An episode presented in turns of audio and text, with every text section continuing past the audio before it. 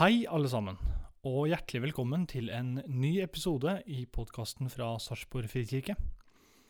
Denne uken så er vi så heldige å ha med oss David Hetlelid fra Philadelphia Sarpsborg, som leverer en nydelig preken til oss. I tillegg så får vi, som seg hør og bør, et uh, litt lovsang fra uh, Silje Sveum og meg selv, Kristian Ringen. Um, og så håper vi at dere eh, kan bruke den eh, anledningen her til å puste litt. Eh, sett gjerne på mens du går deg en tur eller gjør noe annet, og finn et eh, fristed da, i denne episoden.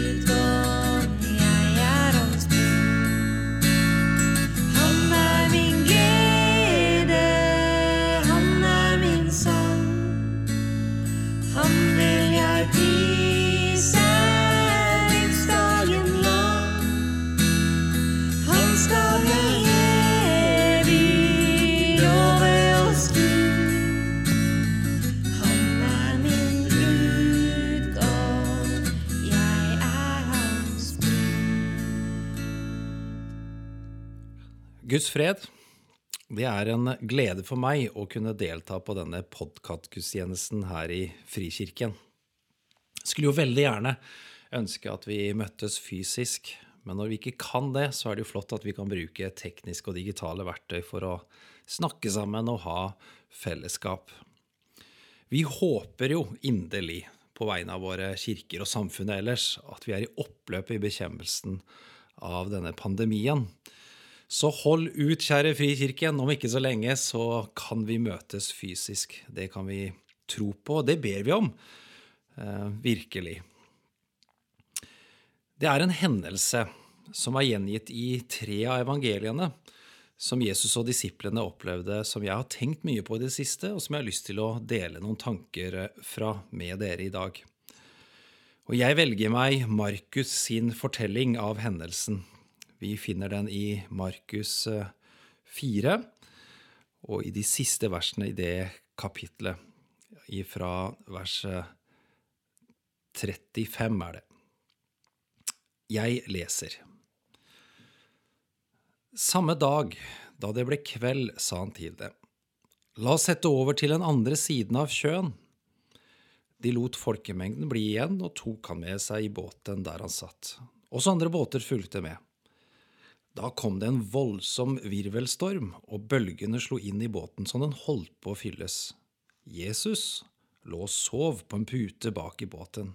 De vekket ham og sa til ham, Mester, bryr du deg ikke om at vi går under? Da reiste han seg, truet vinden og sa til sjøen, Stille, vær rolig. Vinden la seg, og det ble blikk stille. Så sa han til dem, Hvorfor er dere så redde, har dere ennå ingen tro? Og de ble grepet av stor frykt og sa til hverandre, Hvem er han? Både vind og sjø adlyder ham. Amen. Jeg antar at noen av dere som hører på denne podkasten, har hørt denne barnesangen her. Nå skal jeg altså prøve meg på å synge. Min stemme gjør egner seg best på trykk, men jeg prøver å synge. Med Jesus i båten er jeg trygg midt i stormen, trygg midt i stormen, trygg midt i stormen. Med Jesus i båten er jeg trygg midt i stormen, når jeg seiler hjem. Og så stanser jeg der. Disiplene som var med Jesus over Galileasjøen, de følte seg alt annet enn trygge. Og noe av det har jeg lyst til å da dele noen tanker om. For hvor trygge er vi egentlig når vi møter på livsstormer? Og et annet spørsmål som jeg har lyst til å stille, er det egentlig også troens mål at vi til enhver tid skal være og oppleve oss som trygge? La meg si litt om konteksten til denne hendelsen. For det første, det er Markus som skriver om dette. Markus han avslører allerede i det første verset i det evangeliet hva det er han ønsker at vi som lesere skal oppdage. For han starter evangeliet med å skrive at dette er begynnelsen på evangeliet om Jesus Kristus, Guds sønn. Og Der avslører han hva som er hans agenda. Det er at du og jeg skal oppdage og oppleve i våre hjerter at Jesus, han er Guds sønn. Ja, han er selve Gud, det er han som er skaperen. Og da, hvis vi tar fram også denne fortellingen som jeg nettopp har lest, at han er med oss i vår livsbåt og i vår livsreise. Rett før denne hendelsen så har Jesus en hel dag undervist for en hel stor folkemengde, vestsiden av Galileasjøen. På slutten av dagen så sier han til disiplene la oss dra over på den andre siden, på østsiden. Og det er et område der jødene nesten aldri satte sine føtter. Det var hedningenes land. Og eh, hvis vi leser videre i Markus, så vil du oppdage hvorfor. Der møter de bl.a. en mann som eh, befant seg ved gravene, og de møter også noen grisepassere. Og vi vet jo det at jøder og muslimer de har jo et meget anstrengt forhold til gris og grisekjøtt. Eh, med det forteller Markus Markus oss at på den andre siden, som Jesus skulle ta med seg sine disipler, det var egentlig et, både et ukjent og kanskje til og med et uønsket landskap for disiplene. Nå er de da ute altså midt i Galileasjøen, en reise som vanligvis tar, hvis de ror, ca. to timer. En del av disiplene var erfarne båtfolk, de var jo fiskere, og de visste det at i ny og ne så kom det jo noen vindkast nedover åssidene ved rundt Galileasjøen og kunne vrimle opp vannet. Men akkurat nå var den så voldsomt at selv erfarne, garvede fiskerfolk begynte å rope, for de hadde en erfaring med at nå går det under. Markus han er fullstendig klar over hva det er han formidler. Og de som leste også, de leste selvfølgelig at nå var disiplene i hardt vær, i uvær, og opplevde at eh, båten de satt i, sank. Men denne fortellingen har flere lag. For hvis man blir kjent med det bibelske universet, så oppdager man at sjø og hav og vann er bilder på kaoskrefter. Det er sånn som truer selve livet. Eh, Allerede i skapelsesberetningen kan vi jo lese om at Guds ånd svevet over vannene, og så talte Gud, og så skapte han kosmos der det var kaos. I Salme 29 så kan vi lese om at gi Herren ære og makt, gi Herren den ære hans navn skal ha, bøy dere for Herren i hans hellige, hellige prakt. For hans røst lyder over vannet, og den herlige Gud lar tordnene drønne, Herren over veldige vann. Og Her ser vi også noe av dette bildet om at vann er noe veldig, da litt i negativ betydning, men at Herrens røst da kan kontrollere disse kaoskreftene. Det er kanskje flere enn meg som også har vært forundra over at eh, Johannes skriver i Johannes' åpenbaring om at himmelen, altså den nye himmel og den nye jord, alt som ikke skal være der mer, det er, det er død, og det er sykdom, det er smerte, og det er tårer. Og så står det at havet skal heller ikke være der mer. For meg er jo havet forfriskende. Det er flott å se på, jeg liker å høre bølgene slå inn mot land. Og så liker jeg innimellom å surfe og bade i havet. Men for dem var det altså da bilder og opplevelse av at her er kaoskreftene. Og det er i dette altså at Jesus er sammen med sine disipler. Det er når hva skal vi si, tilværelsens kaoskrefter. Og noen ganger så heter de kreftene sykdom. Noen ganger så kan de kreftene kanskje hete sterk tvil. Noen ganger så kan de kanskje kreftene hete til og med døden, som slår inn imot våre liv. Og alle erfarer vi for tiden verden over at kaoskreftene heter bl.a. en pandemibølge. Og vi kan rope 'Herre, bryr du deg ikke om at vi går under'? Midt i dette så sover Jesus. Og så roper da disiplene dette litt såre spørsmålet 'Bryr du deg ikke om at vi går under'? Og det jeg tror hele denne fortellingen og denne erfaringen som disiplene hadde, og som skal formidle til oss, det er jo nettopp det at vi har med Gudesønnen å gjøre. Han er den som talte i begynnelsen, da skapelsen oppsto. Han er ordet. Det var når Gud sa 'bli lys'. Han er røsten som taler over kaoskreftene, slik at det blir orden og kosmos. Og han er den som også er med i din livsbåt når du og jeg opplever, opplever at kaoskreftene slår inn imot våre liv. Da reiser han seg for å demonstrere jo, han bryr seg om oss. Ja visst er han allmektig, ja visst er han en som sitter høyt over alle himler, men han er også en som bor i sønderknuste hjerter. Og kanskje har du som lytter det, det akkurat sånn nå, at i din livsbåt så slår det inn bølger. Du setter navn på hva de kaoskreftene er, på hva de bølgene er. Men jeg har en liten hilsen til deg ifra en stor Jesus. Det er at han ønsker seg å reise seg for deg. Og så ønsker han å gjøre det slik at vinden og bølgene som du opplever som truende, at det stiller. Han er med deg, han som er Jesus Kristus, Guds sønn. Det kan vi tro på. Når vi bekjenner at Jesus er Guds sønn, så kan vi hvile i det at det er ingenting, ingenting som skal rive oss ut av hans varetekt. I fjor under pandemien så kom jeg i snakk med en som jeg har kjent noen år. eh, Og han har ikke bekjent sin tro på Jesus. Men så kom han til meg, og jeg hadde ikke snakket med, snakket med han på en stund. Og så forteller han meg at han under pandemien har opplevd eh, alvorlig sykdom. Den starta før pandemien. Men eh, under dette sykdomsforløpet så begynte han å søke Gud. Og gjennom dette så fant han Jesus oppdaget at han er Jesus Kristus, Guds sønn.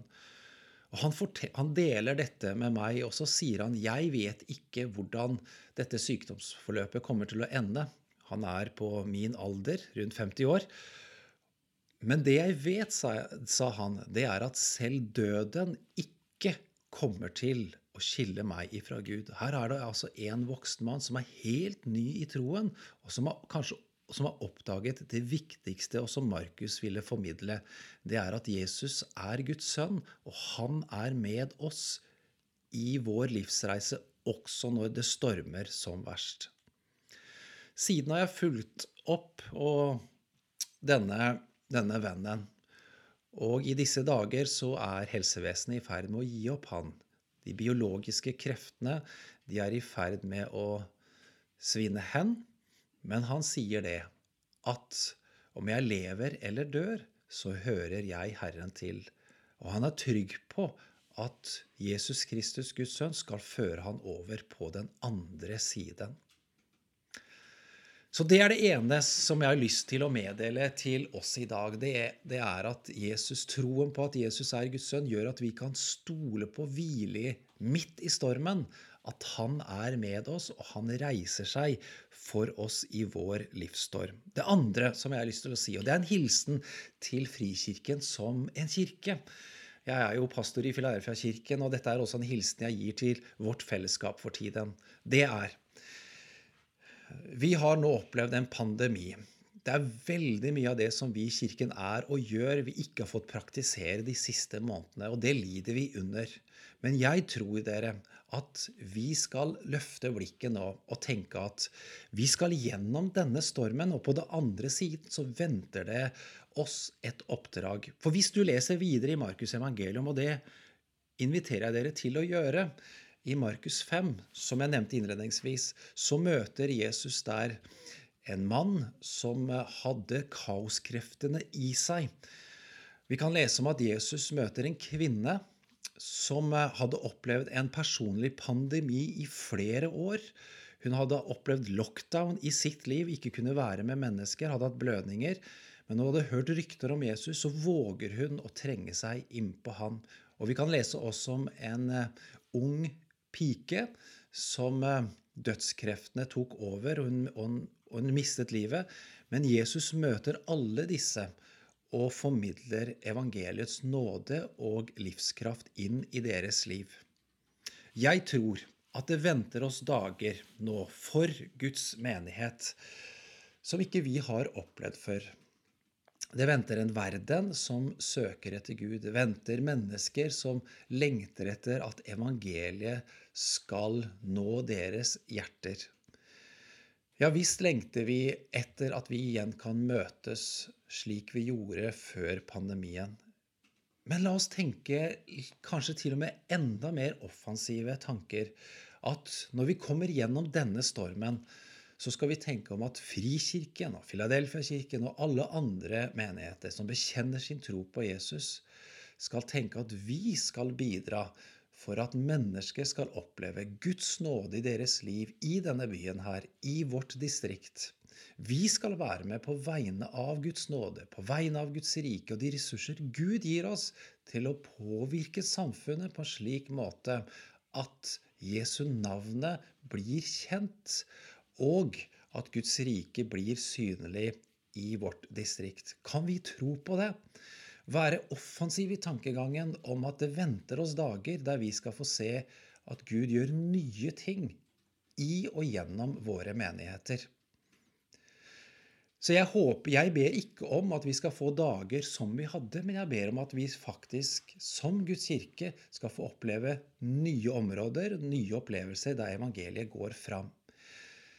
Og dermed så tror jeg ikke at det, denne seilasen bare blir som et cruiseseilas. Vi kan forvente motstand. Vi kan forvente at det kommer, slår bølger imot oss som Guds kirke. Nå sier ikke jeg at denne pandemien er det, men generelt sett.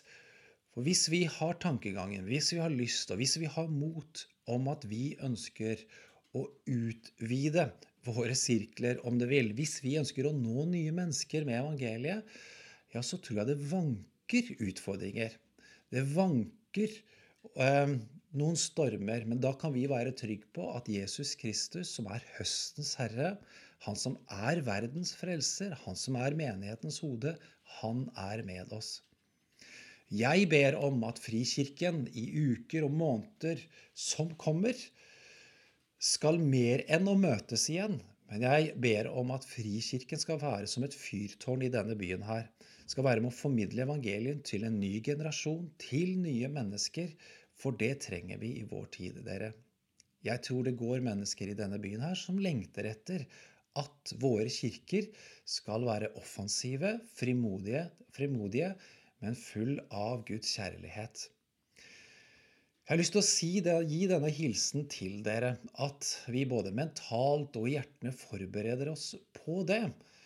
Og så vet ikke jeg hvordan dette kan se ut, men at vi kan ta det med i bønn. For det trenger Guds rike på dette sted.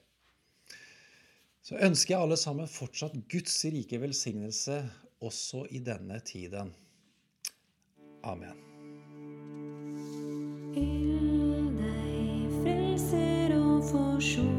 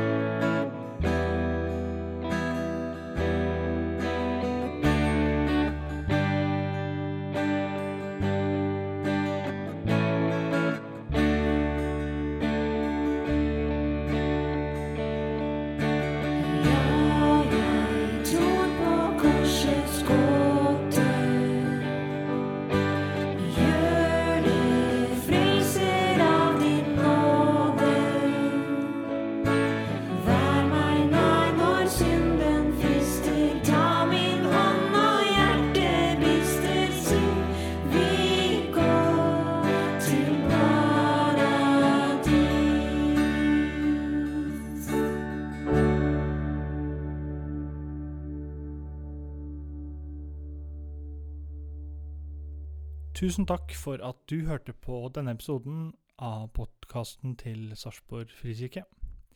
Vi ønsker deg en riktig velsigna uke.